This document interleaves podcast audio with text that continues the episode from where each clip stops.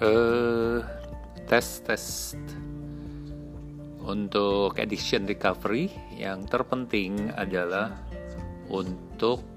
punya support team, support group atau tempat bertanya di awal.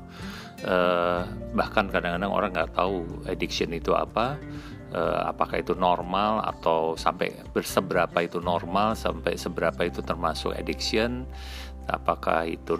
uh, sudah masuk kategori penyakit atau penyakit jiwa atau udah ada orang merasa itu udah secara spiritual udah kemasukan setan nggak bisa kontrol diri sendiri itu semua uh, akan di cover oleh teman-teman dari MIB ya Manusia Indonesia Baru.